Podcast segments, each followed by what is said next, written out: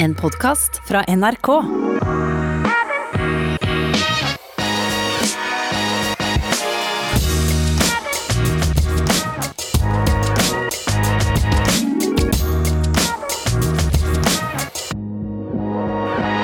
Påsken er over. Hverdagen er her igjen. En litt merkelig hverdag fortsatt, det må sies i disse koronatider. Men vi sveiver i gang med en ny episode, vi, av I det lange løp. Takk for at du eh, hører på. I dag så skal vi møte en meget interessant løper, Maria Sagnes Vågan, som startet med løping forholdsvis seint. I en alder av ca. 20 år, iallfall seriøst løping. Drev med mange idretter før det, blant annet vektløfting, og det er jo litt av en overgang. Og hun har blitt norgesmester eh, flere ganger. Tok vel bare tre år fra hun begynte å løpe til hun var norgesmester, så um, det blir interessant å høre hvordan det var mulig. Men uh, før det så må vi over til uh, min uh, faste partner in crime, Christian Ulriksen. Sist så var han noen timer fra å hive seg i bilen, kjøre gjennom Sverige til Stockholm, ta båten over til Turku, Finland, fordi han skulle i to ukers karantene. Eh, hadde valgt å gå for en operasjon av en av Finlands beste kirurger. Jeg var jo litt spent på om han i hele tatt skulle komme seg fram til Finland i disse tider, men det har du klart, Kristian. Ja da, det var bare å hoppe i bilen, kjøre over grensa. Utrolig nok. Jeg trodde det skulle være litt grensekontroll osv. i de koronatider, men det var bare å komme seg over grensa og ja, kjøre til Stockholm. Tar vel en, en fem og en halv, seks timer. Kom til Stockholm der på morgenen, ned på et eh, svært fergeleie. Det var fantastisk fint vær der i Stockholm også kom oss om bord på en, eh, en, svær sånn her Viking Line. Eh, jeg må nesten kalle det for en cruisebåt. Men eh, ja, en 12-13 store dekk, det var kasino om bord og alt mulig annet. Men på den båten så var det en 10-15 biler. Av de 10-15 bilene var sikkert 10 av dem lastebiler fra ja, fra Øst-Europa, og så var det fem biler med, med, forskjellige folk som skulle tilbake til Finland. Så det var jo ganske absurd der å være på en båt som tar en 5000-5500 mennesker, og vi var kanskje ti stykker. der ja, 10-15 mann der samtlige ting og tang var, var, nedstengt. Det eneste som var åpent, var et lite kafeteria der man fikk seg litt vafler og, og noen kaffekopper. Så fikk vi nå tatt båten over Østensjøen der, og, og, ankom da Turku, eller Åbo som det, som det heter på svensk her borte, i, på kvelden. Og da, ja, da hadde vi jo fått gjort det vi skulle, og fikk kommet oss inn i ei leilighet som vi har leid her. Det er klart at eh, Airbnb på, på turisme funker i Finland òg, og i koronaverdenen nå så finnes det jo ikke en eneste turist. Så vi fikk leid oss ei, ei ganske solid leilighet her for, for nesten ingen penger. så vi, vi jobber fra leiligheter med hjemmekontor og får trent eh, bitte litt. Ja, for du hadde jo ikke trent på to uker, og så bestemte du deg for å gå for operasjon, men da sa denne kirurgen at det var egentlig bare å trene på. Hvordan var det å kjøre i gang med litt trening igjen? Nei, vi trente Jeg har løpt to ganger siden forrige gang, da. Så eh, en halvtime én gang og 35 minutter én gang. Eh, det virker som om eh, jo mindre jeg trener, altså i form av løping, jo mer vondt får jeg. Jeg syns jo det i seg sjøl er, er, litt rart, men det er mulig det er sånn at vev og sånn her slitasje eller væskedannelse nede i denne hælen eller i de slimposene. Det er mulig at, at det gjør at, at, når man på en måte trener så eh, sporadisk og sjeldent, så blir det liksom nesten som å, å rive i gang hver gang. da. Så nå har jeg ja, det er åpent treningsstudio her i Finland. Det er litt sånn eh, Ja, det er ikke helt som å være i Oslo med korona, men folk tar hensyn. Noen går med munnbind i gaten. Og det er jo en by på 120 000 mennesker som er, er nesten helt tom. altså. Folk holder seg innendørs. Treningssentrene og butikkene er for så vidt åpne, men, men det, man merker at, at, bremsen er på, og at folk er ganske restriktive her òg. Men treningssenteret åpna, det er iallfall noe stikk motsatt av hva det er her. Er det mye folk innpå der, eller hvordan er det? Nei, vi har ordna oss noe abonnement her på en sånn her Fitness 24-7, så du får et nøkkelkort, og så styrer du litt som du vil, og så er det ingen sånn åpen resepsjon og sånn, så jeg vet ikke. Det er ganske stort eh, senter. Jeg, kanskje det har vært ti stykker der på det, på det meste har sett, og, og de som trener der, er, virker som om de, de er der for å trene, og så drar de hjem igjen. Så det er ikke så mye Det er ikke et sosialt treningssenter. Nei, jeg har vært innom denne kjeden der i i Lahti et par år, så jeg kjenner til um, den. Uh, men du har løpt da to ganger en halvtime da, på tre uker. Følte deg lett og fin, da, kan jeg tenke meg? Nei, du Trening, det er ferskvare, altså. Det var Får bruke Rodal-uttrykket ja, med, med, hammeren i blautmyra, men det, det, er, det er kjipt å Altså, én ting er jo at du er i dårlig form, det, det er jo klart, det sier seg sjøl, men, men, eh, jeg hadde mer vondt nå enn jeg egentlig trodde, så jeg er jo egentlig eh, sinnssykt glad for at jeg er her jeg er, og, og nå spiller vi jo inn denne episoden på en onsdag, så da er det jo akkurat ei uke til operasjonen.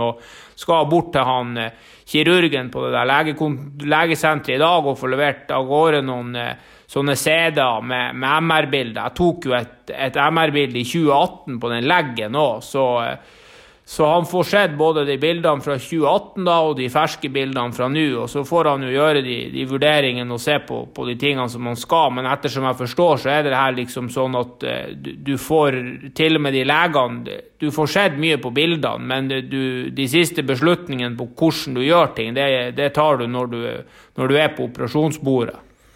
Ja, det er én uke nøyaktig da, til du skal opereres fra vi eh, snakker nå, så um, det blir jo spennende. Jeg er du utålmodig når du går rundt og labber der i karantene i Finland? Ja, men kanskje, det er kanskje bedre å være her enn det hadde vært å være i Oslo. Det er noe med å komme til en ny plass. Jeg har aldri vært her før og få fått kjørt litt rundt og sett. og det er jo en det er jo en by med mye friidrettshistorie, og det er egentlig steike fint der òg. Det går ei elv gjennom byen der det er noen grusveier. Det er utrolig mange fine idrettsanlegg der. Finlenderne, i hvert fall her nede i sør, er jo veldig gode til å bygge anlegg. Det er fine parker her. og ja, Det er jo en plass som man helt åpenbart hadde kunnet trent veldig bra i. Skulle vært i form, si. Men eh, ja, ja. Ja, du sier eh, friidrettshistorie. Det er jo historisk grunn du er på. Pavo Normi. Ni OL-gull. 22 offisielle verdensrekorder. Uh, herjet da rundt ja, 1920-tallet. Har du sett noe spor til gode, gamle Normi? Ja da, han har jo eh, fått et, et, ganske solid friidrettsanlegg og, og, en plass eh, oppkalt etter seg, der det står en stor statue, og så er det bygd et et anlegg med noen betongtribuner som er, bygd ja, litt ned i terrenget, og en, en veldig fin friidrettsbane med, med Mondo-dekke. Og, og, rundt banen er det både, både bra oppvarmingsfasiliteter, og grusveier, og så har de lagt noen sånne korte tartandekker for noe sånn sprintoppvarming, og så finnes det noen sånn kaste ja, de har samla en, en, del sånne kastebur og, ja, og, litt sånne ting eh, rundt der. Så de har, de har lagt flid i anleggene her, og de har selvfølgelig oppkalt eh, hele, hele anlegget etter eh, legenden sjøl der. Så ja, det har vært, det har vært fint. Det, har, det, å ikke trene, da har du jo plutselig litt mer tid i døgnet. Så vi har jo fått, fått sett litt rundt her nede, og jeg syns jo at det ser veldig bra ut. Jeg tror finnene skal ta vare på den statuen og den stadion og gjøre ting ordentlig, for det blir en stund til de får en type som tar ni OL-gull på langdistanse igjen, altså. Det, det, kan gå noen år. Ja, da skal, de, da skal de trene godt fremover, for det begynner å bli en stund siden finlenderne har hevda seg. Og Knut Kvalheim var jo innom når han holdt på der. Han var vel et, et EM der i 78, når han satte en persen på 10 000 der i Praha. Så var det mye finlendere som, som sprang fort da. og vi, vi husker jo alle han Lasse Virén og hva han holdt på med, men eh, den generasjonen der med finlendere, den er borte. og I langrenn så er det jo en par igjen, men det er, ikke, det er ikke det samme i Finland som det en gang var. Nei, de har hatt noen gode epoker gjennom historien. Eh, kanskje kommer det en ny, men å overgå ni OL-gull, det blir røft. Uansett hvem du er. Det, det viser jo historien. Du, det er jo litt andre problemstillinger her, her hjemme. Jeg kjører jo en del økter på mølle. Og jeg må jo bare si at jeg håpa mølla mi gikk eh, noenlunde rett. Det har jeg nå konstatert at den overhodet ikke gjør. Eh, det jeg kan si, er jo at formen min blir noe bedre. I forrige uke kjørte jeg 12 ganger 1000 på ja, 17,1 til 18,2 km i timen. Eh, det føltes sånn noenlunde greit. I går kjørte jeg 12 ganger 1000 uten pause, altså 12 km sammenhengende på samme fart. At jeg skal avslutte til 12 km løping nå og har gått under 3,20 på km, det er totalt urealistisk. Så den mølla, den viser jo fullstendig feil. Men økta er jo god for det. Eh, men eh, hvor dårlig formen er, det, det, får jeg ikke svar på før jeg går ut og løper. Så nå må jeg snart komme meg ut. Ja, det finnes mange gode tredemøller i Norge, og vi har mange møllehelter, men det er nå engang sånn at ut må vi. Så får du bare skru på den mølla så mye du vil. Så lenge du puster, så blir du å bli bedre. Og så er det jo snart mai, så det burde jo kunne løse seg med å få, få trent litt utendørs, til og med oppe på Eidsvoll. Ja ja, det er fine forhold for det her nå. Uh så det går ikke på det. Det går litt på at jeg er Jeg klemmer sammen disse øktene på tidspunkt hvor det er veldig lite tid å gå på i forkant og etterkant. Så hvis jeg skulle løpt en sånn økt, så burde jeg helst kjørt en fem-ti minutter borti her, eh, varma opp eh, enda bedre enn jeg gjør på mølla, og så kjørt økta. Så da, da vil det ikke bli tid til økta. Hvis jeg spurter ned trappa, slipper alt jeg har i henda fordi kona tar ansvaret for de to barna akkurat den ene timen, så rekker jeg akkurat det jeg skal før jeg dukker opp igjen. Så det er rett og slett rent praktiske hensyn. Ja, det er bra du får trent, i hvert fall. Jeg leste jo noen artikler her om at det så ut som det ikke ble noe toppfotball i 2020, så eh, det ser jo blytungt ut med idrettsarrangement, som vi har vært innom før. Så jeg tror vi bare må prøve å finne noen, noen hold her, og, og ja, holde oss motivert på et eller annet vis. Ja, jeg bruker alle triks i boka jeg, og Jeg tillater meg å løpe med de beste skoa jeg har, og kjøre akkurat de øktene jeg vil, og ja Det er ikke så strukturert, selv om jeg får inn en tre hardøkter i uka, så så må jeg rett og slett uh, ty til alle midler for, for, å holde det gående. Men jeg har jo starta en fin uh, ting med kona. En gang i uka så går vi ned Vi er jo heldige og har fullt treningsrom hjemme og kjører en styrkesirkel som er uh, god. Hun er jo fysioterapeut, så hun har gitt meg en del øvelser og slitt litt med hoftene, så vi får tatt tak i litt det. Så ene dagen vi skal kjøre, så er kanskje ikke jeg helt gira, men da er hun gira, så da kommer vi oss ned, og så er det motsatt neste uke. Så nå har vi jo gjort dette en fem-seks uker på, på, rad, så der har vi fått en bra treningspartner. Det er jo en bra date, det burde egentlig flere gjøre. Ja, det gjelder å bruke alle triks her for å få trent. Og hvis man er to om det og man har laga en avtale, så får man ofte gjennomført det man skal. Så det er gjort. Og så har jeg fått kjørt Rodal-styrke. Det kan dere søke opp på YouTube hvis dere lurer på hva det er for noe. Hans faste styrkeøkt som han gjorde en gang i uka i ti år i glansperioden. Eh, den har jeg kjørt fire av fem uker nå, så jeg er litt i gang på det. Og løpingen går litt bedre. Eh, selv om det fortsatt går tungt. Men eh, jeg føler litt flyt da på enkelte hardøkter hvor jeg faktisk har fått sovet. Men det er jo noen utfordringer, ikke sant. I går trente jeg ja, styrke fra halv ni til ti.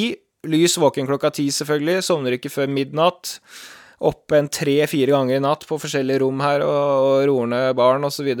Søvnen er litt sånn så som så.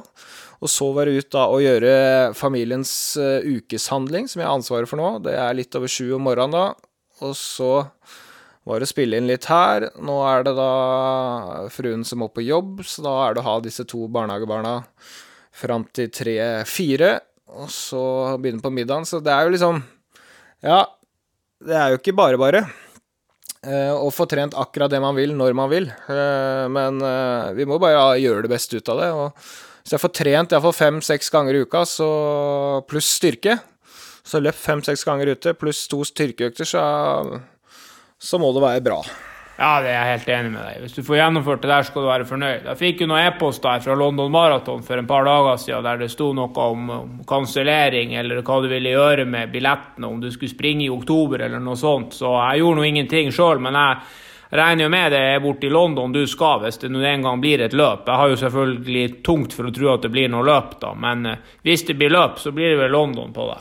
London og Berlin er én uke mellom, da. Eh, foreløpig så venter man jo på, på, en ny terminliste for den internasjonale friidrettssesongen. Det virker som de har lyst til å kjøre fra august til oktober.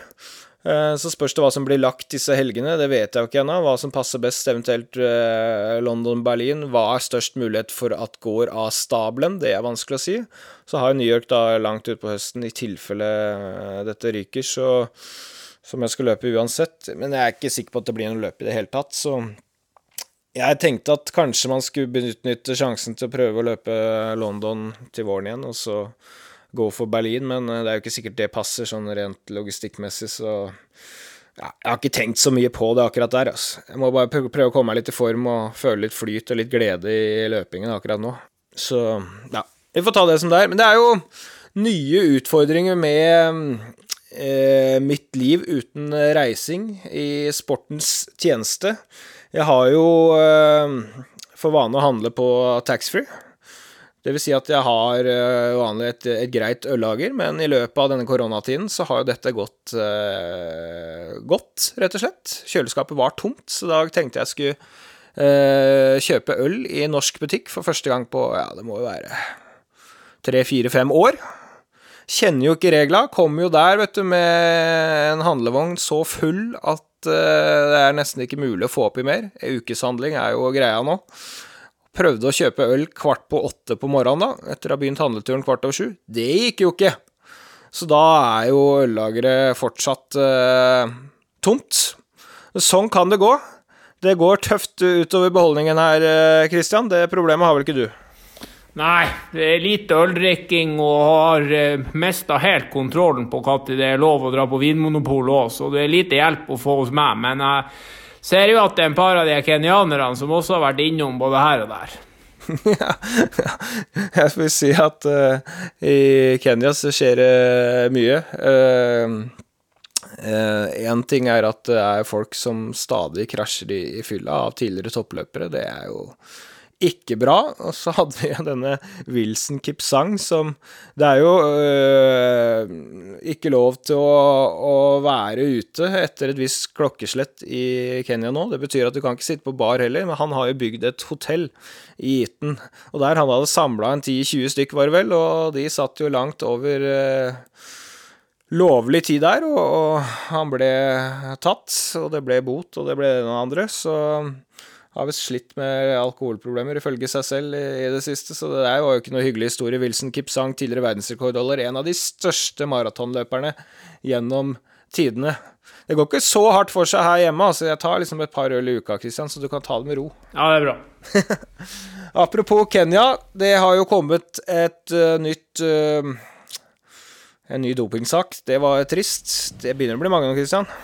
Ja, jeg er jo der jeg har vært litt eh, innom tidligere. Jeg mener nesten det er bare å få banda hele landet nå, og så få eh, kjørt en sånn der eh, Russland-strategi på dem òg. Kunne kanskje begynt med to år, og så eventuelt økt til fire år her. For nå så jeg jo her den, den 10. april. Det går an å gå inn på sånn uavhengig sånn Athletics Integration Unit-sida, der det kommer opp alle dopingsakene, der utøvere som er tatt for doping, der det kommer opp både hva de er tatt for, og, og litt om straffen. Og, og, Der dukker det jo støtt og stadig opp eh, utøvere med ganske kraftige resultater. Og Han siste her som ble tatt der nå da, i, i, april, er han der Daniel Van Juri, som er tatt for, for EPO, og som var vinner av London Marathon i 2017. der, Løp på, på lave 2,05 og holdt akkurat unna for han Kenenisa Bekele, som kom sinnssykt hardt på slutten. så det er jo trist å se hvordan denne idretten er, og jeg tør ikke engang å tenke på, på, hvor mange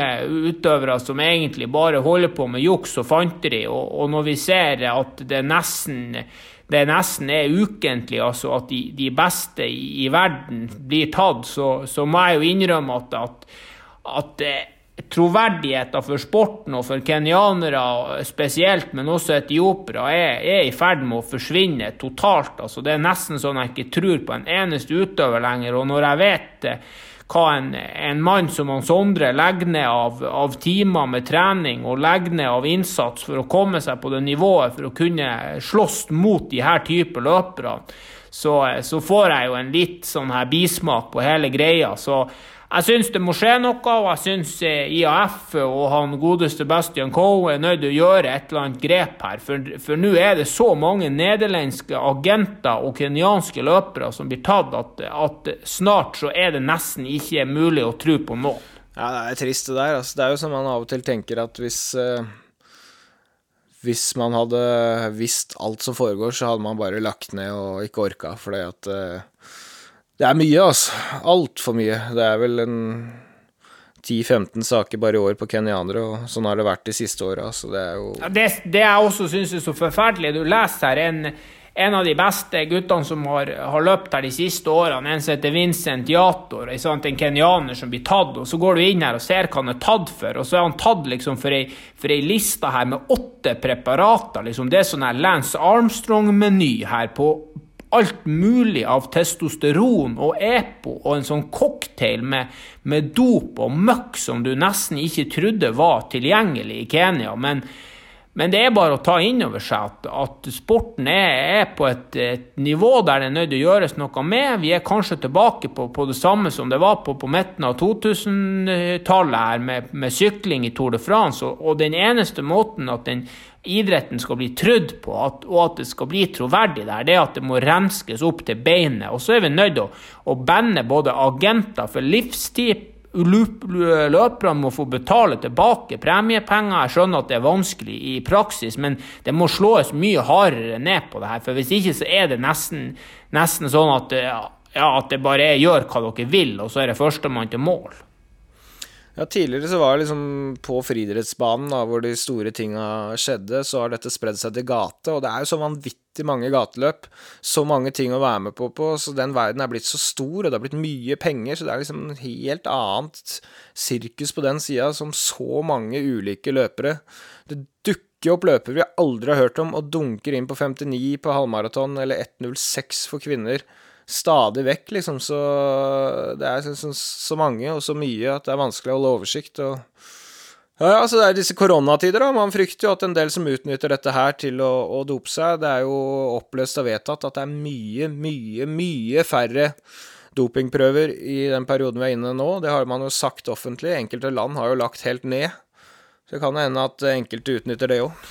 Ja, det er klart at der det er mye penger, der er det også mye juks. Det er en del av, av greia, og det er dessverre veldig trist. Men det som er, er jo at det finnes jo veldig bra teknologi her nå. Når jeg var i Kenya, så prata jo mye med Arne Gabius, da, han tyskeren som har løpt på 2.07, da, og, og, og gjort en, en haug med enorme resultat på baneløp. Og han er utdanna lege og, og, er selvfølgelig på avslutninga her på, på friidrettskarrieren. Jeg, jeg, tror kanskje han målet var å springe OL maraton i, i år. Så blir det jo til neste år, da, så tipper jeg det er det siste han gjør. Men han fortalte jo at det, det er kommet så langt at, at, du kan ta hårstrå fra folk, og så kan du få et sånn eh, biologisk eh, pass som klarer å, å registrere variasjoner i blodnivå.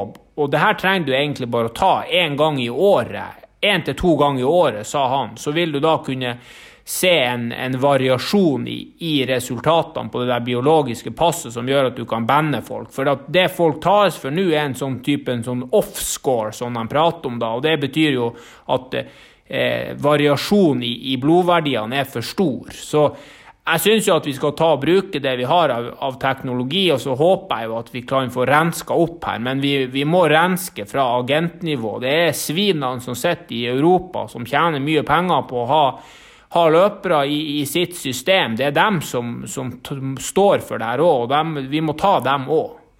Ja, det er iallfall en stor jobb som uh, må gjøres. Men fra doping til noe helt, helt annet. Denne ukens uh, gjest, Maria Sagnes Vågan. Uh, kjenner du henne, eller?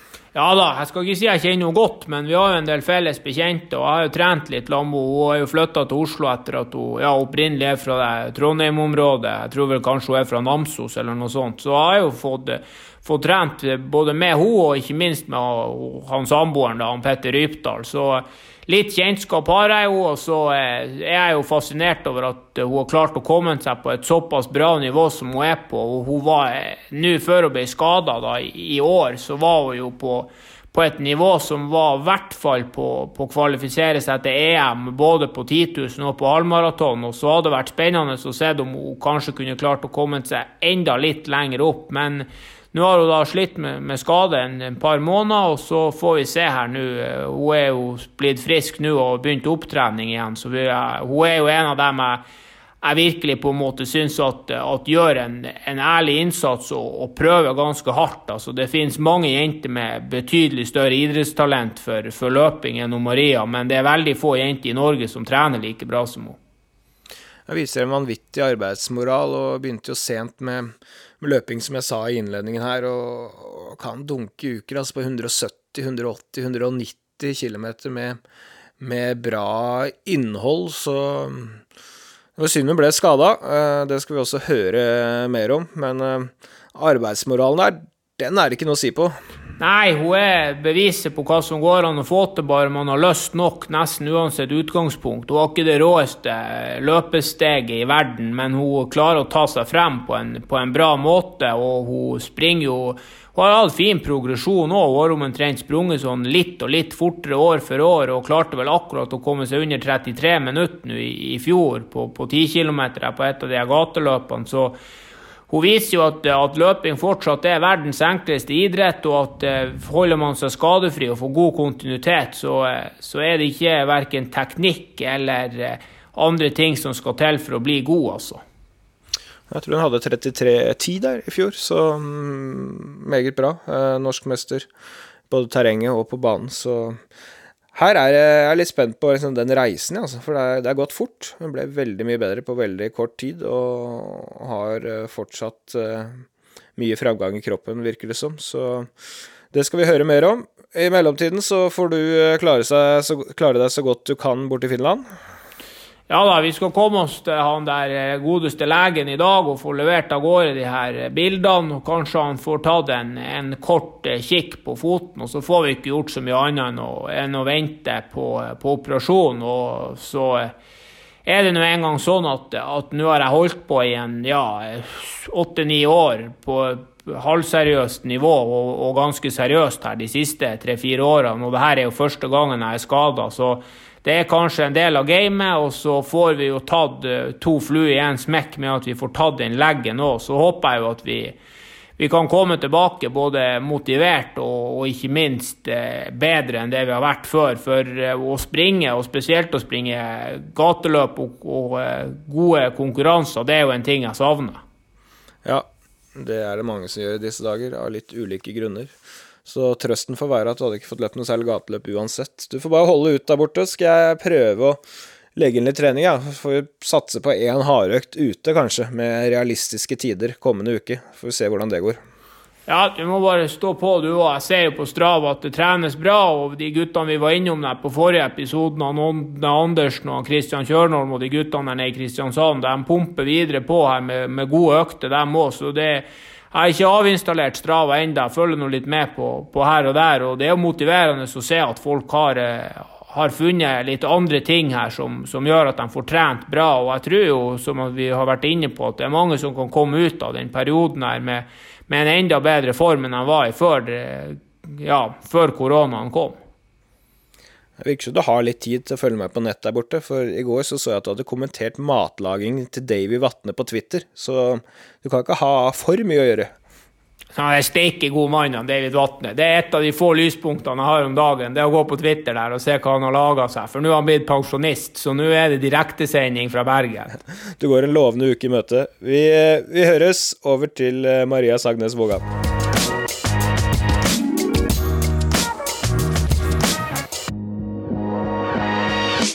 Da er hjemmekontoret koblet opp, så da skal vi prøve å få kontakt med en som har løpt eh, to EM for lag for Norge, og som har i alle fall tre NM-titler som jeg har telt opp. Eh, god dag, Maria Sagnes Vågan. God dag, god dag. Tre NM-titler, stemmer det, eh, det, eller er det flere? Nei, det stemmer. Det er tre, ja. Det er ett i terreng og to på 5000. Det stemmer, vet du. 5000 i 2017 og 2019. Jeg telte mer enn ti NM-medaljer. Altså det, det, har blitt noen gjennom åra? Ja, det stemmer, det. Det er bra. Um, du, du har jo blitt en veldig, veldig god løper, men uh, det har ikke alltid vært sånn at løping har vært nummer én for deg. fortell litt om din idrettsbakgrunn. Ja, eh, nei, jeg har litt eh, uvanlig idrettsbakgrunn. Når jeg var yngre, så drev jeg på med veldig mange forskjellige idretter. Eh, jeg drev med stup, turn, håndball, fotball, langrenn, vektløfting. Ja, så veldig mye forskjellig, da. Så det var mye trening eh, og mye forskjellig trening, da. Det hørtes ut som et aktivt liv og litt eh, slitsomt liv for dine foreldre. ja, det var mye kjøring til trening. Det var det. Men hva var det du satsa på i, som yngre? Var alt eh, like moro, eller hvordan var det? Mm, jeg holdt på ganske lenge med, med mange av idrettene, men det var fotball som var hovedidretten, da. Eh, så det var det jeg holdt på med lengst. Så jeg holdt på med fotball og turn til jeg var 20, og så la jeg inn litt vektløfting når jeg var sånn ca. 16. Så det holdt jeg også på med fra jeg var 16 til jeg var 18, da. Som et supplement til fotballtreninga. Ja, og det er jo det som ofte har stått fram da, når man har lest artikler om deg fra diverse ting opp igjennom, at du liksom har gått fra vektløfter til, eh, til løping. Men hvor, hvor seriøs var du på den vektløftebiten? Jeg trente vel eh, det var tre treninger i uka, og så trente jeg, ja, trente jeg vel i to, to år der, da. Um, så var jeg med på noen sånn stevner og konkurranser. Men uh, det var på en måte i tillegg til fotballtreninga, da. Du har en KM-tittel, uh, ifølge min research her, stemmer det? Ja, det stemmer, vet du. Hva var det du ble kretsmester i? Ja, det var kretsmester i, i vektløfting, og det var i rykk og støt. Rykk og støt, ja. Eh, men hva, hva, var det som fikk deg til å begynne med den vektløftinga? For det er jo ikke så normalt når man er midt i tenårene som, som jente at man begynner med det? Nei, faren min var, var med på det, så jeg ble med han på trening. Da, og så eh, likte jeg jo å trene, på en måte, så fikk jeg enda mer trening i tillegg til fotball. Og så ja, ble det bare sånn at jeg fortsatte med det, da. Eh, hvor gøy syns du det var? Ja, det var Nei, det var, det var, det var gøy, men eh, det var, det var, veldig mye sånn pauser og, og sånn, da. Sånn at eh, eh, Ja. Jeg liker bedre litt sånn intensiv trening, da. Ja, det, det må jo komme tilbake til, eh, fordi at uh, treningsregimet ditt må jo ha forandret seg litt på veien her. Men fo fotball, da? Hvilket lag og hvilket nivå var det snakk om? Nei, Jeg spilte på juniorlaget til Namsos IL, da. Så jeg var Ja. Det var Og hvilken posisjon? Midtbane. Så du fikk litt løping der? Ja. Ja da. Jeg fikk eh, jobba litt på banen der. Så det Og turn, da. Eh, det er jo en, en idrett som er fantastisk eh, å ha som bakgrunn, nesten uansett hva slags idrett man skal drive senere. Og hva slags satsing var det på turn? Eh, det var Jeg trente en tre turnøkter i uka, da. Men eh, ja, det ble ikke så mye Jeg konkurrerte ikke så mye i den turen. Det ble mest med, med treninga. Turnere kan jo være imponerende godt uh, trent. Jeg har ikke vært borti så mange turnere på toppnivå, men Espen Jansen bor like ved meg. Han var jo med på 'Mesternes mester' for noen år siden. Mange som kjenner han derfra. Han går omtrent like stødig på hendene som han går på, på, beina, men god utholdenhet, det hadde han i hvert fall ikke for noen år, for noen år siden. Så man får jo ikke så mye utholdenhet fra verken turning eller eh, vektløfting, men fotballen var, som, fotballen var, det som, ga deg noe utholdenhet, da? Ja. ja, det ble jo jeg var en type som, eh, som jobba på, på, banen, da. Sånn at jeg fikk jo eh, løpt en del der. Men hva var det som da pensa deg over i retning av løping? Eh, nei, jeg var litt sånn at jeg, eh, jeg likte jo veldig godt å trene og var ganske sånn allsidig. Eh, og så var det eh, lokale gateløp som pleide å bli arrangert i Namsos. da. så var jeg med på en sånn vårkarusell der eh, og sprang en fem kilometer. Så syntes jeg det var gøy, og så ble jeg med på flere og flere gateløp etter hvert. da. Hvor gammel var du når du løp den fem kilometeren, og hvordan gikk det? Eh, jeg var, var vel en 17-18 år. Jeg tror jeg sprang på sånn eh, 22-10. 22-10, ja. Det er, det er, jo en ok tid, men du har løpt vesentlig fortere senere. Jeg har notert meg 16,21 her på 5000 meter på bane, så, så, ting har jo gått i riktig retning. Men når var det du følte at du begynte å satse løping og ikke Altså, du var 20 år ca. når du ga deg med fotball, da? Ja. Um, nei, det ble når jeg flytta til Trondheim for å studere, så hadde jeg vært med på en sånn eh, stafett da, som heter St. Olavsloppet. Eh, den går fra Trondheim til Østersund. Så etter de lokale gateløpene så spurte eh, Namdal løpeklubb da om jeg ville være med og springe der. Eh, så jeg var og løp et par etapper der, og så syntes jeg det var veldig gøy. så når jeg flytta til Trondheim, så begynte jeg å trene løping og begynte etter hvert å trene med Strindheim der, da. Og da kom jeg inn i et sånn friidrettsmiljø der. Og da var du 2021, eller? Ja, det stemmer. 2013 ca. Du er jo 27 år nå. Det er jo, det er jo ikke seint si, å starte med løping. Det fins jo de som har starta med løping og løpt OL som har starta i en alder av 30 år. Noen ekstreme tilfeller. Men det er ikke veldig tidlig heller. Hva, hva tenkte du? Hva slags ambisjoner hadde du? Eh, bortsett fra at det var, var gøy å løpe? Eh, nei, det var Jeg fikk på en måte Det første målet var jo å komme under 40 på mila. Eh, og det klarte jeg i 2013 på hytteplanmila. Da løp jeg 39,40. Eh, og så var jo sånn at i starten så var jo veldig mye framgang da, eh, på treninga. Sånn at eh, etter hvert som jeg løp fortere, så satte jeg nye delmål. Eh, så var neste mål å komme seg under 39, og så Ja. Så har det på en måte bare utvikla seg sånn siden den gangen. Det har, det har balla litt på seg fra litt sånn uh, mosjonist, supermosjonistnivå til uh, norgestoppen uh, på ganske få år her. Hvordan trente du helt i starten der, da? Eh, nei, det var veldig sånn standard uh, trening. det første året tror jeg jeg hadde sånn jeg lå på 100 km i uka. Um, og hadde sånn uh, to til tre intervalløkter.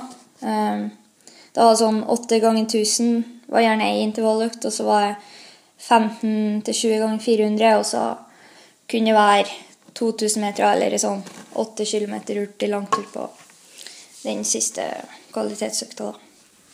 Ja, God, solid uh, løpetrening der. Men 100 km i uka når du kommer fra å spille mye fotball og, og, og slenge med i noen karuselløp, det er, det er ganske solid mengde, det. Hvordan var den overgangen? Eh, jeg, jeg, begynte, jeg gikk ganske fort opp til å løpe 100 km. Um, det, det, gikk egentlig ganske fint eh, i overgangen. Um, så jeg slapp unna skader og, og, sånne ting. Så det, det, var Det gikk egentlig veldig fint, det. Hva tror du er årsaken til at du tålte det så bra? Um, det kan jo kanskje være en sammenheng med at uh, jeg var allsidig Jeg var jo ikke utrent når jeg begynte å, å løpe. på en måte Jeg var utrent i forhold til kondisjon, men uh, jeg kan jo ha med at jeg hadde trent uh, styrke, og at det, hadde, det virka skadeforebyggende. Kanskje. Ja, det, det, må jo være en logisk forklaring. For det, hvem som helst kan ikke gå fra å, å løpe lite til å, å, løpe 100 km. Det går ikke bra for alle, i hvert fall. Så det er tydelig at det hadde vært mye bevegelse, og at det var bra, bra trent. Men denne fremgangen, da, som du må nesten ha kjent fremgang fra uke til uke og økt til økt, nesten der, hva, hva ga den deg? Nei, jeg ble jo veldig motivert, da. Um, det det ga jo motivasjon til å trene enda mer. Ehm, så ble det jo sånn at jeg også gradvis eh, økte mengden som jeg løp, da. Så det var jo, var jo veldig gøy. Hvor, hvor tidlig Eh, ble du med i NM og, og sånne ting? Det har blitt mange NM-medaljer etter hvert, men når tok du det steget at du liksom skulle konkurrere med de beste i Norge?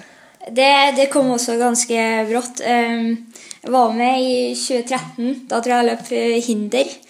Um, mens i 2014 eh, da tok jeg liksom NM-kravet, og sånn da, og da eh, løp jeg 1500. Uh, ja.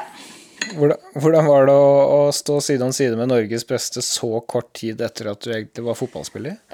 Jeg, vel jeg, visste vel ikke helt hva jeg gikk til den gangen, men uh, men jeg opplevde det som det var veldig gøy, da, og syntes det var kult å være med, selv om jeg gjerne skulle vært bedre trent. ja, det må ha vært veldig motiverende, da. Eh, og så langt bak var det jo ikke, så eh, det gikk jo veldig, veldig fort eh, riktig veien. Og sånn, sånn treningsmessig, hvem var det som hadde ansvaret for den treningen, og, og hvordan bygde dere videre sånn på med den treningen du startet? I, i 2014 så da trente jeg med en trener i Strindheim som het Arnfinn Ofstad. Så, så var han som la opp uh, treninga i starten der, da. Uh, hva tenker du om den treningen dere gjorde nå i dag, du mye, når du har mye mer erfaring? Um, det var veldig sånn, veldig sånn standard, standard opplegg, og uh, det var veldig sånn fornuftig, da, for jeg hadde jo igjen framgang og, hele tida og slapp jo unna skader og, og sånne ting, så jeg syns at det var, var, et bra opplegg, da. Du kommer jo fra lagidrett der. Hvordan var, hvordan var løpsmiljøet rundt deg i Trondheim? Nei, Det var et veldig bra miljø.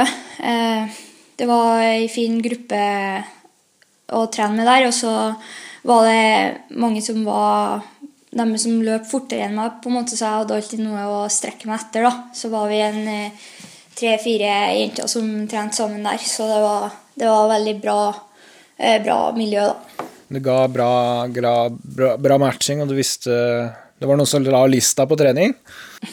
Ja. Det var alltid noe å strekke seg etter, så det var, det var, veldig motiverende og veldig gøy.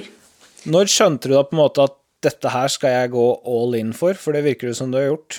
Um, var Det var vel Det kom vel litt gradvis, det òg, egentlig. Uh, at uh, jo mer Eller jo bedre jeg ble til å løpe, jo mer motivert og jo mer la jeg ned i løpinga. Så jeg føler vel kanskje at jeg trappa gradvis opp, og at uh, i 2016 begynte å trene ganske, ja, ganske greit. Da, da, tror jeg at jeg begynte å løpe en sånn 140 km i uka da, og ja, følte at ja, at jeg la ned, det, la ned en god innsats i løpinga da. Og det fikk du betalt for i 2016 òg, for da kom det første NM-gullet. Hvordan var det? Ja, det var gøy. Det var veldig uventa. Så det var, det var en, en skrell, det. Men det var veldig morsomt. Så det, løsna, det begynte å løsne i slutten av 2016 der. NM terrengløp. Eh, hva husker du fra selve løpet? Um, nei, jeg husker på en måte at det gikk lett eh, hele veien der, på en måte. Og så var det eh, begynte å nærme seg slutten, og så kjente jeg at jeg hadde overraskende mer å kjøre med. Og så ja, var det bare å øke de siste meterne. Så var jeg litt overraska over at jeg hang såpass greit med, da. Så det var en hyggelig overraskelse. Hvordan forklarer du at det er mulig å bli norsk mester i terrengløp tre år egentlig etter å begynne med løping? Ja, det Jeg tror det på en måte Det handler om å eh, Ja jeg fikk god kontinuitet i, i treninga og, ja, og, jevn utvikling. Da. Hadde få avbrekk. Så ja. Jeg tror det ligger noe der. Ja, du må ha gjort en, en vanvittig god jobb og, og, stabilisert den treningen meget bra for å ikke få noen kjenninger eller noe som helst. Eh, og så må det ha vært en vanvittig drive i i forhold til motivasjon, denne stadige framgangen. Jeg kan nesten ikke øh, se for meg det. Altså det, det, det Tre år er jo selvfølgelig litt tid, men, men, du tar så mange steg på de tre årene der. Øh, hvordan, hvordan er det å tenke på det nå? Nei, det, det Nei, det er rart å tenke litt tilbake på. Det har jo vært en, en eh, bra utvikling eh, her. Så det er jo veldig gøy, da, på en måte. Det viser jo at hvis du eh, får kontinuitet i treninga, så eh, ja, så er det mest mulig. Da. Trening virker. Ja, Derfra og framover så har det også gått i riktig retning året etter, så debuterte du for, for Norge på mange måter, iallfall i EM for lag. Da løp du 3000 meter hinder i Vasa i Finland. Du løp to år etterpå i Sandnes, da var det 5000 meter. Du har tatt to NM-titler på bane da, i 2017 og 2019. Du har løpt 10 km gate på 33 10. Eh, hva regner du som høydepunktet så langt i, i løpskarrieren, du?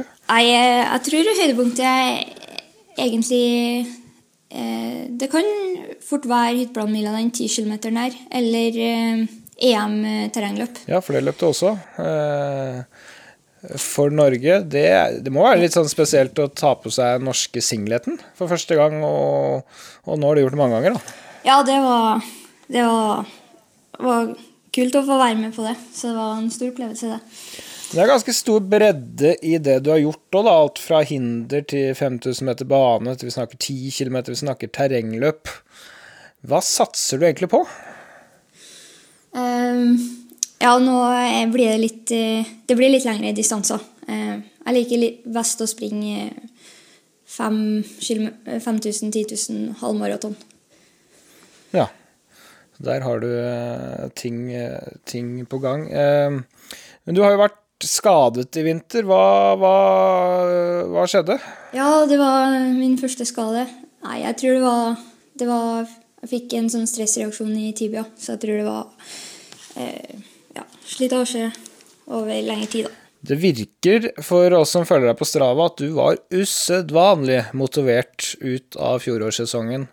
Eh, du løp jo et godt NM med gull på 5000. Du, du hang på Therese Johaug ut fra start på 10 000, som var en underholdende 10 eh, 000 meter å, kommentere. Eh, og du, du, løp et veldig bra NM-terreng, og, og EM-terreng kom der, og, og jeg syns det begynte å gå fort altså, på trening. Det virker som du var i kjempeslag og begynte å se uker krype opp mot 200 km i uka.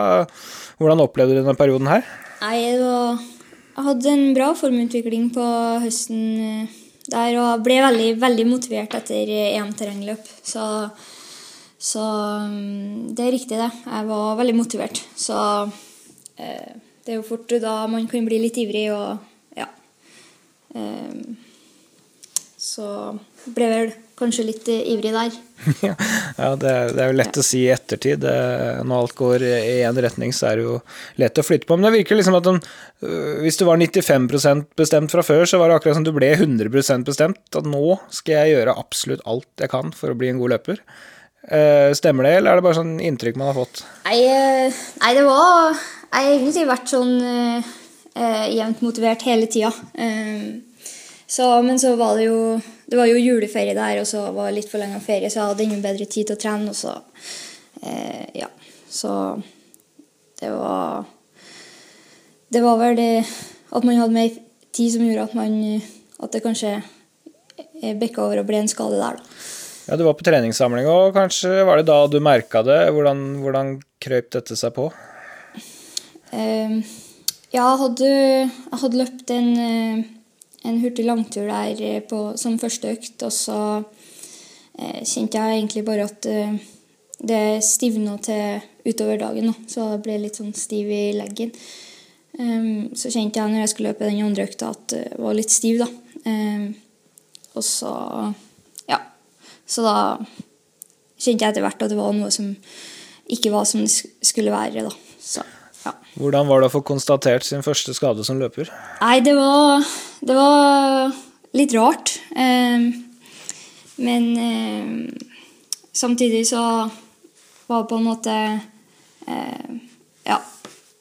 Så det var Det var vel litt eh, Det kunne vel Man kanskje hadde venta på at det kunne komme til å komme en skade, og ja det, Når man løper så mye, så kan det jo på en måte skje det er jo litt naturlig òg. på en måte. Den store prestasjonen her er jo å klare å løpe sju år før det skjer. det, det, er ikke, det, er ikke, så mange som klarer det, så ja. det var jo bra. Det måtte kanskje komme før eller senere, men uh, ja. ja uh, Tretthetsbrudd eller stressreaksjon, hvordan har det vært å, å, kjempe seg gjennom det? Nå er du ute og løper igjen, men det var jo en periode med alternativ trening der? Ja, det, var, det ble en periode med aquajog og ellipse, da. Så det var jo Det var for så vidt eh, greit nok, det. Det var Jeg føler på en måte at aquajog var jo en veldig fin treningsform, og føler at det ga et eh, godt eh, utbytte. Hvordan var det å skulle begynne å løpe igjen? Nei, det var, det var fantastisk å komme tilbake i løftstrening igjen, da. Det var mye, mye bedre med vanlig løping enn med aquajog, da. Hvor lett er det å være tålmodig når du får lov til å løpe igjen? Eh, nei, det går eh, veldig fint. Jeg får jo jeg får jo et bra treningsopplegg av, av Audun Nordtveit, da. Så det hjelper meg til å trene fornuftig, og sånn at jeg kommer tilbake, da. Audun Nordtveit har jo vært en god løper selv. Du er jo Tjalve nå, og der har han tatt over treneransvaret for en del løpere. Han har vel bikka under 29 på mila, har han ikke det? Eller, nei, jeg er ikke helt sikker, jeg. Du har kanskje oversikt? Jeg tror 29, 29-tallet en plass, ja. ja. Ja, en meget habil uh, løper uh, Nordtveit. Men, uh, men, det har jo oppstått en litt spesiell situasjon i, i verden og, og, og, Norge. Du vet ikke når du kan konkurrere neste gang, men det, det, den timinga kunne kanskje vært verre for din del, da, i og med at du er på vei tilbake fra, fra skade? Ja, det, å komme tilbake fra skade, det tar nå uansett den tida det tar. Og, så ja. Nei, det Man må bare Det tar nå den tida det tar. Også, men eh, når konkurransene eh, Når det blir konkurranse igjen, da skal jeg være klar. Men Gjør det deg mindre stressa at du har bedre tid enn du kanskje hadde sett for deg? Eh, Nei, nei egentlig så eh, Så påvirker det ikke så mye, det, da. Du kjører bare ditt løp, du, uansett? Ja, det Ja. ja. Det gjør det.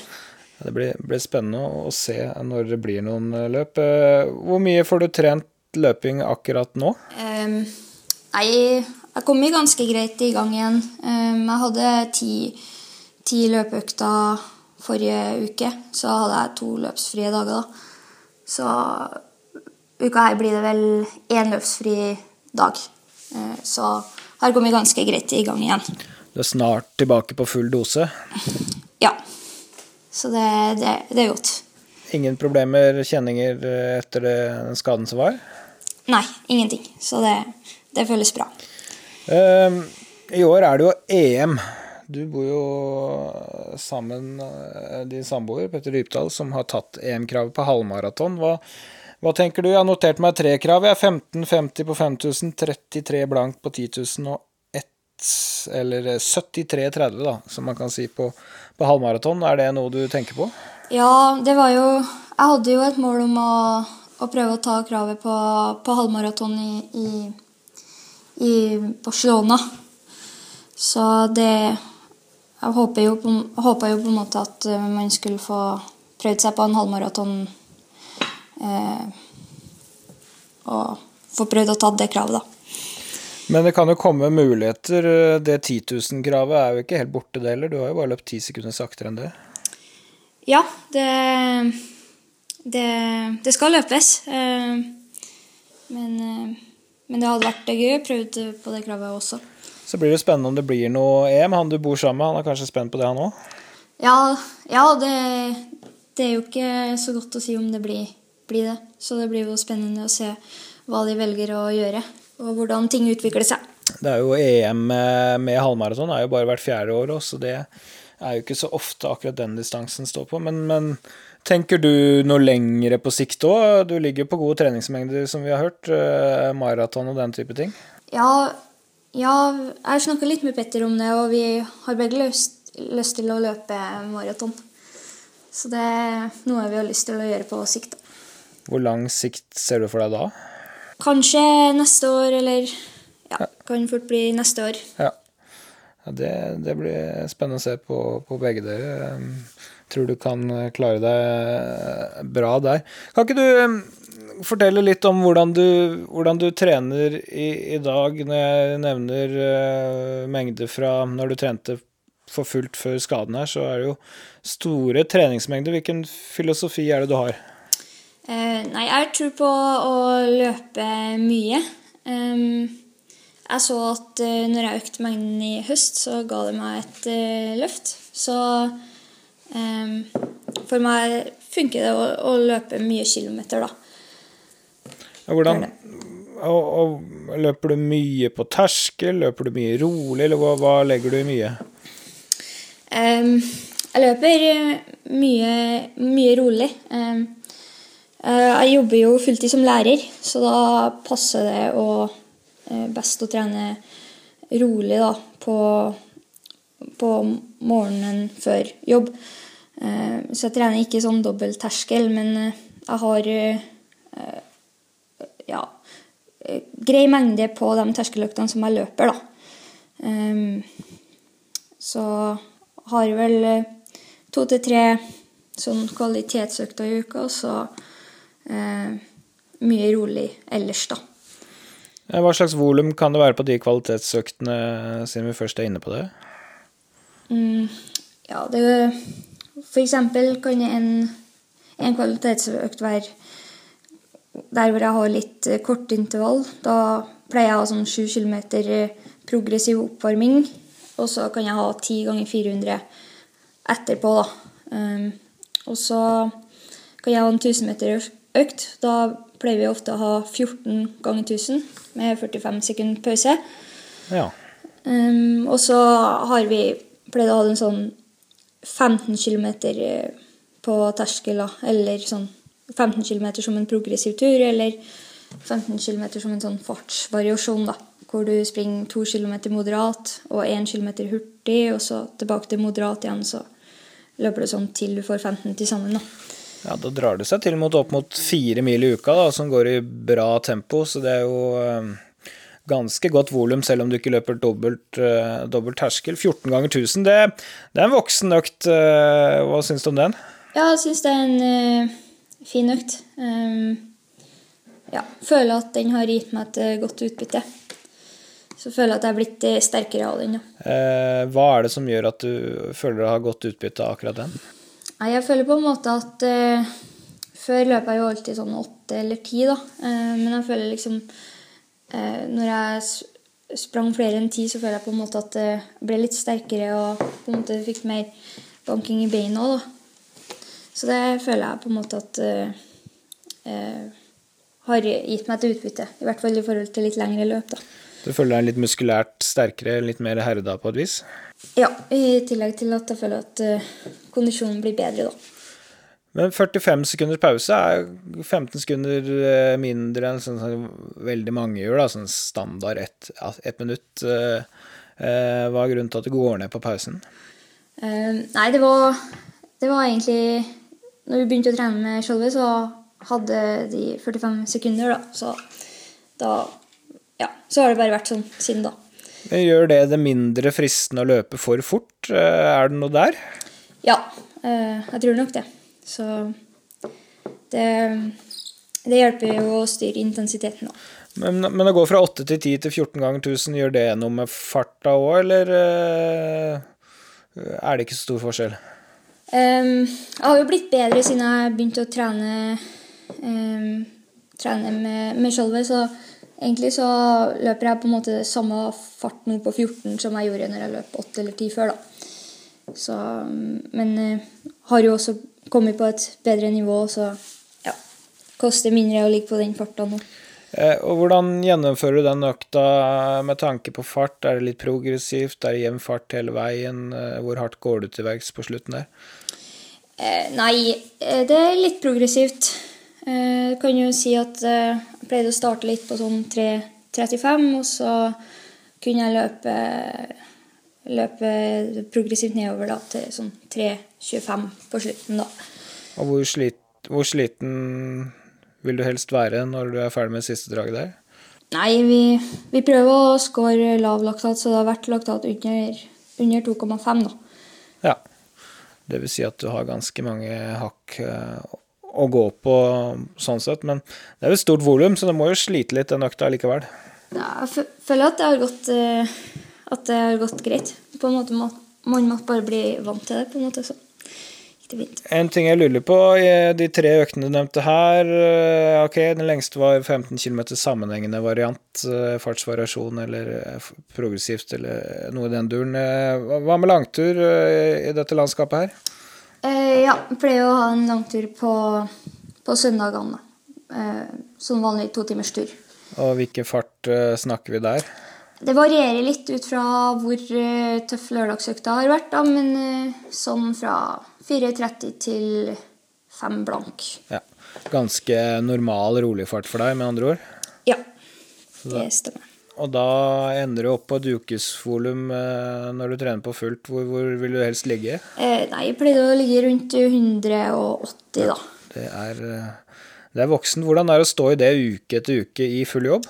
Eh, nei, det har gått eh, veldig fint. Eh, jeg føler på en måte at vi har fått et opplegg som passer veldig bra å kombinere med jobb, da, i forhold til at vi eh, løper jo rolig på morgenen.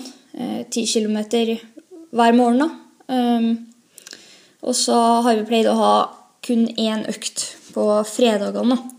For da er det litt sånn at du er litt sånn sliten etter jobbuka og treningsuka. Og så da har vi én økt som er ti kilometer, eh, som pleier å gå så rolig som vi kan løpe, da. Så da, da, da kan jeg godt springe eh, mellom fem og seks på kilometeren. Så er det kun én økt den dagen, og så er vi på en måte igjen klar til, til helga, da. Hvor det kommer et eh, eh, Ja, ei helg med mye trening, da. Så da får vi på en måte hente oss inn litt, da. Eh, Så får vi en sånn fin balanse på det. Ja, det var en smart løsning. Den, den fredagen må jeg føle at den gir et løft sånn overskuddsmessig. Ja, da, eh, for jeg pleier jo å ha den 14 ganger 1000 på torsdagene, så, så da føler jeg på en måte at jeg får henta inn etter den, og så eh, får, blir jeg igjen klar til lørdagen hvor den er 15 km er også langtur. da. Så jeg føler på en måte at den, den økta der har vært en eh, viktig bidragsyter til å, til å beholde overskuddet, da. Ja, det ser jeg for meg. Eh, hvis man får tilbake overskuddet av en dag sånn, så er man iallfall i vater. Det er verre hvis man løper en rolig økt og føler at det ikke gir noe. Da, da begynner det å blinke. Ja. Men, men eh, Maile, mange kan jo hoppe inn og gjøre en sånn uke som det der i, i full jobb, eh, og, og gjøre det som et stunt og en test, men liksom gjøre det 10-12-16 uker på rad. eh, eh, Du må være rimelig strukturert i det livet ditt. Når, når står du opp om morgenen? Em, vi har eh, vekking på seks, da, og så ja, løper vi ut sånn kvart over seks til halv sju, og så løper vi ti kilometer, og så ja, drar vi på jobb etter det, da. Jeg ser for meg at det hjelper å bo med en som har samme interesse her, som forstår hva som skjer. Ja, ja det er veldig greit, det. Så det, det funker veldig bra å, å være to som, som gjør, det, gjør de samme tingene.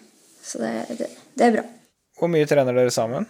Em, han løper jo, Petter løper jo litt raskere enn meg på de rolige turene, men eh, det kan være at vi løper den uh, fredagsøkta sammen, den som går så rolig. Eller hvis Petter skal løpe litt roligere, så kan han løpe med, med meg. Så kanskje én eller to ganger i uka, da. Ja, det er mer at dere trener samtidig, men ikke så mye sammen.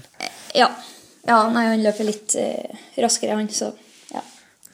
En ting jeg ikke har vært innom her, som jeg egentlig er litt spent på, for eh, med den bakgrunnen du har, da, eh, med bl.a. litt vektløfting eh, Hva gjør du av styrketrening i løpet av en treningsuke? Eh, ja, det De siste årene så har det vært eh, litt for lite. Eh, det har vært eh, mage og rygg og sånn type trening. Eh, men eh, nå etter jeg fikk den skaden, da, så, så kom jeg i gang igjen med, med styrketrening. Så nå eh, eh, gjør jeg fortsatt mage og rygg og kjernemuskulatur og sånn. Og så eh, har jeg en del øvelser som skadeforebyggende styrke, og så har jeg kommet i gang med knebøy igjen, da. Så det er det jeg gjør av Du har tatt fram, vek tatt fram vektstanga igjen, da. Ja. Er det tung, eh, tung knebøy å få rep, eller er det lettere og mange? Er det eksplosivt, eller hva gjør du? Nei, jeg, kjørte eh, seks eh, repetisjoner og så fire serier. Um, ja. Så det er ikke så, ikke så tung, tungt enda, eh, siden jeg har nettopp kommet i gang med det igjen. Ja. Hva, hva er grunnen til at du tok det igjen, og hvordan føler du at det virker? Jeg ble anbefalt å, å begynne på med det igjen av fysioterapeut. Som skadeforebyggende trening, da. Så Nei, jeg føler jo at uh, det, det er jo helt greit. Uh, så har jeg jo hørt at mange løpere, uh, gode løpere gjør det. Så det, det er nok noe i det. Ja, vi liker jo litt detaljer i denne podkasten der, liker å være konkret, så jeg bare spør og graver, jeg. Men med hvor dype eh, knebøy eh, snakker vi om? Mm. Nei, nå har jeg kjørt uh, litt, litt lenger ned enn 90, da. Ja, Um, ja. ganske tøft det, da. Det er jo Det river og sliter litt, det. Når du ikke har løfta knebøy på en stund, ble du, ble du støl etter første økta. Ja, ja, det ble ganske støl etter første økta. Så ja. Det er sånne mosjonister som meg får trøbbel, vet når de ikke klarer å holde kontinuitet på dette og detter innom den vektstanga annenhver uke og like støl hver gang. Og det, uff. Her gjelder det å være litt konsekvent. ja. Du har fått inn i systemet, og da, men da lurer jeg på liksom, hvor plasserer du i treningsuka med tanke på at du skal gjennom de tre hardøktene og langturene? Jeg, jeg føler det er så vanskelig å plassere de tinga treningsmessig. ja, det Nå har jo ikke jeg vært på full mengde ennå eh, da, men eh, f.eks. den eh, fredag eller eh, søndag for min del da, For søndag så har jeg jo bare én økt som er, er langtur, og så har jeg jo to rolige turer igjen på mandag. Så da passer jo fint å ha det på andre økta på søndag, f.eks. Ja, ikke så dum plassering det, men det krever jo litt mentalt da, å rive løs på en styrkeøkt eh, på ettermiddagen etter en langtur. Eh, Det er jo noen av oss som bare har lyst til å ligge rett ut etter en langtur. Ja, men det er på en måte viktig å finne riktig intensitet også på styrken. Og er, eh, for min del så er den jo ikke så tung, det er jo mer eh, som, for å, som skadeforebyggende trening, da. Ja. Det er bare det å komme seg og få gjort det, si. Må, Ja. må, vi må skjerpe oss litt, vi andre. Høres høres ut som du har gjennomføringsevnen i, i orden. Um, hvor fort tror du det er mulig å løpe i år, da, eh, med den skaden du har vært gjennom, og, og den formen du vet du var i før skaden? Mm, nei, det, det er vanskelig å, å sette en tid sånn. Det skal jo løpes, eh, men jeg håper jo kanskje å få muligheten til å løpe en halvmaraton på, på høsten da.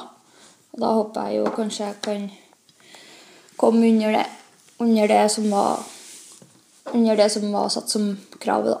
På 73-tallet. Ja. Ja. Det må det være gode muligheter for ut fra det jeg så på, på treninga di her eh, tidlig i vinter. Ehm, eh, på sikt, da Hva er det du håper å oppnå med, med løpingen? Ja, det Nei, jeg, jeg har jo lyst til å, å få blitt med i et EM, eh, EM da. Um, og så ja, se hvor fort det er mulig å, å løpe. Ja, det er jo noe som, noe som driver deg her, at det krever en enorm disiplin og pågangsvilje til å gjennomføre den treninga du, du gjør. Den, den holder mål blant de beste i verden, den. 180 km i uka. Hva er, hva er det du føler løpinga gir deg, som gjør at du klarer å stå i det der? Nei, det, det gir meg glede, og det, det er jo veldig gøy og uh, Det er jo Du ser jo på en måte utvikling og framgang, og det gir deg utfordringer, da. Så det syns jeg er veldig motiverende. da.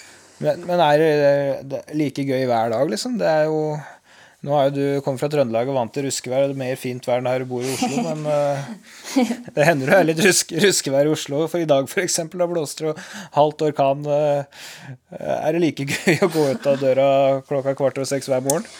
Eh, det har sjelden vært uh, umotivert, altså. Jeg har ikke kjent noe mye på det, så det, det har stort sett gått uh, greit.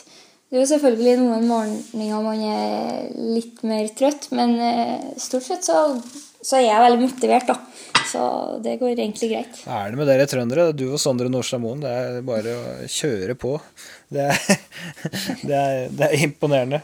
Det er bare å holde på den motivasjonen. Det er i hvert fall uh, alfa og omega i den businessen her, å være, motiv være, motivert. Uh, hvilken, hvilken distanse tror du du kommer til å ha din beste pers på når du er uh, ferdig som toppløper? Jeg tror fort at det kan bli halvmaraton. Um, tipp, jeg tipper at det blir litt lengre distanser nå etter hvert, så ja. Så tror jeg kanskje halvmaraton er den distansen som passer, passer meg best, da. Hvorfor tror du det? Eh, nei, jeg liker den type trening, da. Eh, jeg liker lange turer og lange økter og, og sånn.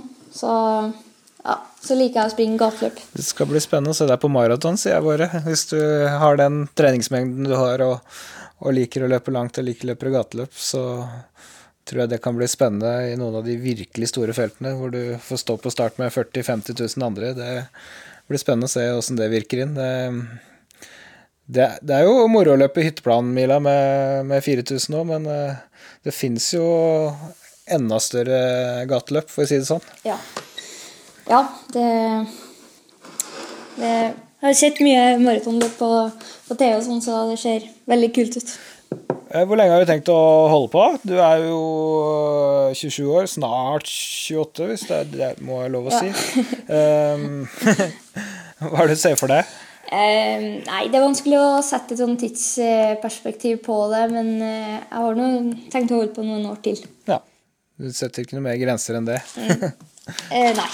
Skal Få jage noen flere NM-titler og noe EM-deltakelse det fins jo større mesterskap enn det òg, hvis du eh, eh, tar et par steg eh, til. Hvorfor skal eh, framgangen stoppe, stoppe nå? Eh, det fins de som har løpt veldig fort i sesongen med tretthetsbrudd. Eh, har, har, du tenkt på det? Uh, nei, jeg har ikke tenkt så mye på det. jeg kan dra et par eksempler for å gi deg litt motivasjon. Ja, gjerne det. Henrik Henrik Ingebrigtsen hadde jo tretthetsbrudd og, og fem-seks uker i bassenget. Leverte en kanonsesong for, for noen år siden. Uh, Shalane Flanagan vant sin eneste major på maraton det året hun hadde tretthetsbrudd på våren. Uh, stakk av gårde med hele New York Marathon. Var den første amerikanske kvinne på var det ikke noen og 30 åra. da så det hender at kroppen har gått av en liten pause. Så det blir spennende å se hva som skjer. Ja, ja det blir Det er jo motiverende å høre det der, så Du får ta med deg det på, på, veien. Eh, du får masse lykke til i år. Ja, tusen takk for det. Så kan det jo hende vi ses på en, en trening når denne korona uh, dette koronaviruset gir, gir seg. Uh, ja. Får vi se om vi kan uh, gi hverandre litt matching. Ja, det høres veldig bra ut. Tusen takk for at du var med så får du hilse din samboer, og så krysser vi fingrene for at han får løpt EM, og at du også får, får deltatt. Da lover jeg å følge med. Tusen takk for at jeg fikk komme, og tusen takk for det. Det var Maria Sagnes Vågan, en fremgangsrik og hardt arbeidende løper. Stå opp klokka seks hver dag høres veldig lett ut, men uke ut og uke inn og 180 km i uka stabil mengde. Hun eh, jobber hardt for sine resultater og håper at hun fortsetter framgangen også dette året, selv om hun har fått noen steg tilbake i vinter pga. Eh, skade. Det var denne uka, det. Vi er tilbake med en ny episode, vi, om en uke. I mellomtiden så kan du jo like oss på Instagram. Der kommer vi stadig oppdateringer. Vi mottar spørsmål kommuniserer litt med våre følgere. Det syns vi er hyggelig, så NRK i det lange loop, gå inn og følg oss der hvis du ikke gjør det allerede. Takk for at du hørte på denne episoden, og velkommen tilbake om en uke.